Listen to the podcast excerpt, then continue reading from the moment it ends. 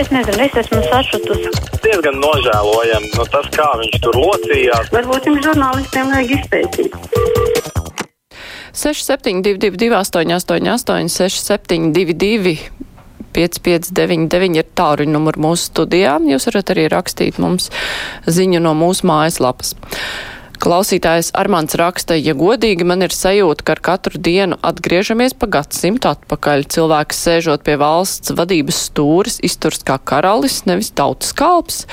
Tādas valstis, kurās jau sen vairs nav demokrātija, parādās arvien vairāk, un tas man biedē, jo bez demokrātijas nav brīvības, un ja nav brīvības, tad esi vergs. Interesanti, par kuru valsti Armāns runā. Hmm. Klausītājs zvana. Labdien, brīvais mikrofons. Labdien! Labdien!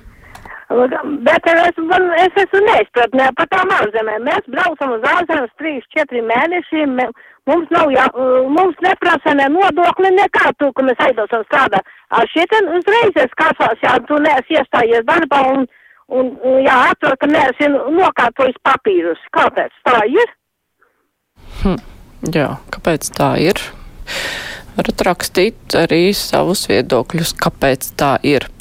Alis raksta, vakar bija laba intervija ar Valdi Zātleru, bet atbildi par satversmes tiesas lēmumu pildīšanu gan bija tik samudžināta, ka pat noklausoties vairākas reizes, nu nepalika skaidrs Zātleru kunga viedoklis, nes kādēļ palika iespējas, ka arī jums, Jansons kundze, tā arī neizdevās izlopīt kādu risinājumu, tad piedāvā bijušais valsts prezidents.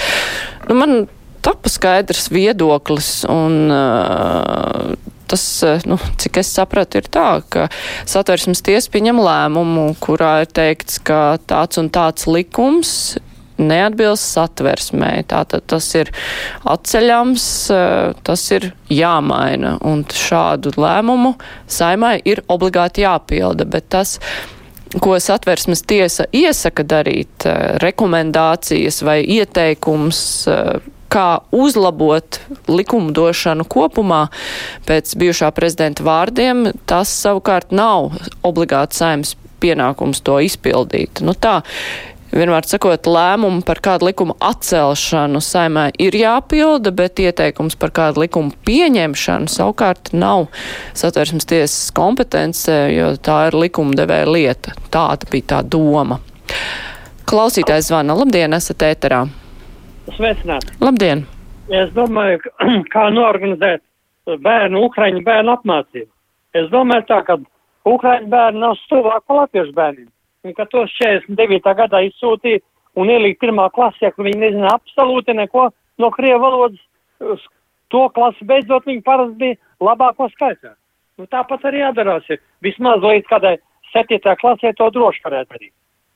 Tas mans domas. Jā, paldies. Nu, daudz ukraiņu bērnu paralēli mācās arī ukraiņu skolās tālmācībā, un tāpēc sanāk tāda milzīga slodze. Mazajās klasēs droši vien ir vieglāk, jo ātrāk arī var apgūt valodu, un t- mazākā vecumā valodas labāk līp klāt. Arī viela nav tik sarežģīta, jau vecākiem bērniem ir daudz sarežģītāka mācību viela, un ja nav valoda, valodas prasmes, un tad ir ārkārtīgi grūti. Plus vēl es arī nebrīnos, ka daudz izvēlas tālmācību, protams, ja otrā pusē tā ir pieejama, bet eh, ļoti, ļoti sarežģīta situācija. Tā viesturs raksta kundzei par nodokļiem. Jūs ārzemēs tos nemaksājat, jo strādājat nelegāli, tā viesturs domā. Ivars raksta, ja jau Pilēna partija tik izlēmīgi protestē pret, pret Latvenergo ostu denacionalizāciju, tad kāpēc viņi neprasa, lai mirušais pēdiņās Savicka un pēdiņās septiņus zaļus gadus sološais Kalvīšu kungs savus privatizētās akcijas atdotu valsts pilnībā, pilnā pārvaldībā, jo kā mēs vasarā Latvijā sajūtām, ka privatizatori par mūsu iedzīvotājiem nebūtu nerūpējis, tādējādi apdraudot valsts drošību. Nezinu, par kādām kalvīšu kunga akcijām ir runa, bet, nu, doma ir skaidra.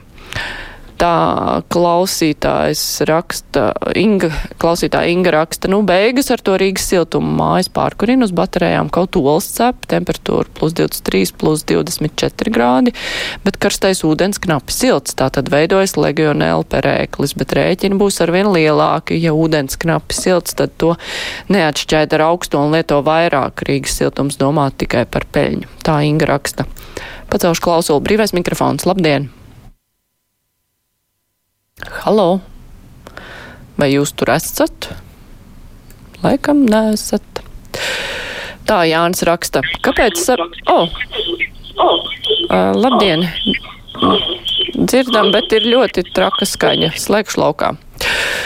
Tā Jānis raksta, kāpēc sabiedriskajos medijos aktīvi tiek izplatīta obligātā dienesta propaganda, ja sabiedrībā esot 12% atbalsts dienestam. Ko nozīmē propaganda? Tiek apkopota viedokļi un vākta informācija par to. Mēs diskutējam par šo jautājumu. Klausītājs zvana, labdien, esat ēterā. Halo! Un vēlreiz halo, sveiki, esat ēterā. Labdien! Labdien! E, Aivars! Es bērnībā arī dzīvoju Latvijas starp Krievu puikām Un es iemācījos skolā, negāju, jau iemācījos krievisku runāt. Nav problēma, jo vētāk bērni ir starp citiem tautiešiem, ja? Viņi ļoti ātri asimilējas, ja? Bet man kauns par tiem krievlodīgiem, ja? Kur Latvijā nodzīvo 70 gada 50, gavarī par-ruski, a kur tu biji visu laiku?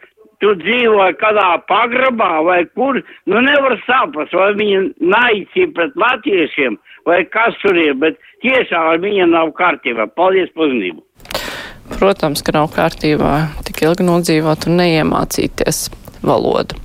Emīlija raksta, kultīgā ir pilnīgs haoss, sniegs tiešām sasniegs, sasniedzis ļoti daudz, bet arī senāk ir bijušas ziemas ar sniegu. Tomēr tāds ārprāts kā šogad nav pieredzēts, jo ielas netiek tīrīts. Vakar panorāmā rādīja, ka kuldīgas centrā tīra iela, kur bija jau tīra, bet, piemēram, pārventā nereiz šajās dienās nav braucis sniega tīrītājs. Naktī sniegs nesniga, bet nemanījām nevienu tīrītāju. Vakar domas dāma Buka panorāmā teica, ka, lai necerot, ka viss tikšot notīrīts perfekti. Mēs neprasam perfekti, bet ja divu dienu laikā nereiz nav notīrīts ielas, tad jādomā, ka nauda tiek taupīta, lai domas kungiem un kundzēm neizlietoto naudu sadalītu prēmijās uz Ziemassvētkiem. Tā mums raksta Emīlija. Ceļu klausulu, labdien! Aļo! Sveiki! Lūdzu, piedodiet! Jums liels paldies par jūsu raidījumu! Ka latviešu valodā var dzirdēt, mēs komputeru neprotam, Bet, bet mēs vēlētos, kad, ka būtu kaut kāds Rainin raidījums ar Raimonda Pavla dziesmiņām, ievas akurātares, kā agrāk bija mikrofons, viss. Ļoti skaisti patika. Paldies par ieteikumu. Nu, es domāju, Latvijas radio divi taču var dzirdēt. Es ceru, ka jūs varat uztvert. Man liekas, ka LR2 ir vēl labāk uztverams nekā LR1. Vismaz dažās vietās tā šķiet.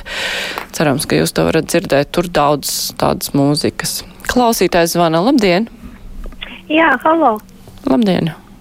Jā, ziniet, drošības iestādēm vajadzētu pārbaudīt arī to, tos cilvēkus, to, kas aicināja dožģu šejieni ne tikai āboltiņu. Kāpēc tagad mums veseli ar visām ģimenēm veseli 500 eh, nesaprotam cilvēku šeit? Jā, paldies par ieteikumu. Jānis raksta, ka Ukraiņiem izglītība vismaz eksaktajos mācību priekšmetos ir augstākā līmenī nekā Latvijā un ievērojami kvalitatīvāki mācību materiāli. Tā Jānis ir izpētījis. Pacelšu klausulu brīvais mikrofons. Labdien! Labdien! Labdien! Es Man vakar dikti aizvainoja vienas kundzītes zvanītājs, ka mēs pensionāri, kas saņemam 300 eiro, esam ko darījuši savu dzīvi, bet mēs, kas gājam pensijā 99. gadā, piemēram, mums vienu e, latu tikai par darba mūža aprēķināja un neskatījās, vai mēs divus darbus darījām, vai pusotru, divus nevarēja, pusotru tik varēja strādāt. Vienu eiro par 40 gadus stāžu aprēķināja pensiju 42 Latviju un palaida. Un tad vēlāk vēl vienu eiro piesvieda par stāžu. Nu, tagad mēs esam līdz 300 ar visādam šitam te indeksācijām novilkuši savu 20 gadu mūžu. Ir vēl mums atrodas, kas mums uh, apbižo. Tā mēs ap, esam apbižoti jau dzīvē. 300 tik šogad sasniedzama, 40 gadu stāsts ir pusotra gada, pusotras slodzes es savā mūžā strādāju. Jā, paldies. Nu, es jau arī vakar aizrādīju, nu, komentējot to vēstuli, kas bija atsūtīta, ka, protams, ka pensiju lielums stipri atšķirs arī atkarībā no laika, kad cilvēks ir gājis pensijā, cik viņam ir izdevies maksāt, kurā laikā kādus nodokļus, jo Un tad arī rodas tās netaisnības, jo vēl, jo senāk cilvēks ir devies pensijā, jo sliktākā situācijā, un tas ir neatkarīgi no darba stāža un ieguldītā darba. Klausītājs zvana. Labdien! Derīgs, vai jums runāt? Jā, lūdzu. Uh, es par Baltkrieviju. Pavasarī Baltkrievi visus produktus izvāca ārā, teica, ka nedrīkst pārdot. Tagad ir veikali, kas visu laiku apaus pārdot no pašas uh, kara sākuma. Un, un teica, nu, viņi jau ir nopirkuši, un vācākot, lai izpārdod. Bet skatos, ka katru reizi jauni apavi, un, un, un jaun, jaun visu ziemai atkal nomaina, un viss. Tas ir gaļas ar astoņi rimī veikalā, bet ne jau tas viens, gan jau vēl kur ir. Hmm, interesanti, jā, paldies par informāciju. Klausītājs Andrejs raksta, kāpēc Krievijas prece un pilsoņi pastāvīgi runā par to, kas tad būšot pēc Putina tās augtais pēcnācējs. Vai tad vēlēšanas Krievijā nenotiek un neviens tos Krievus nenosoda?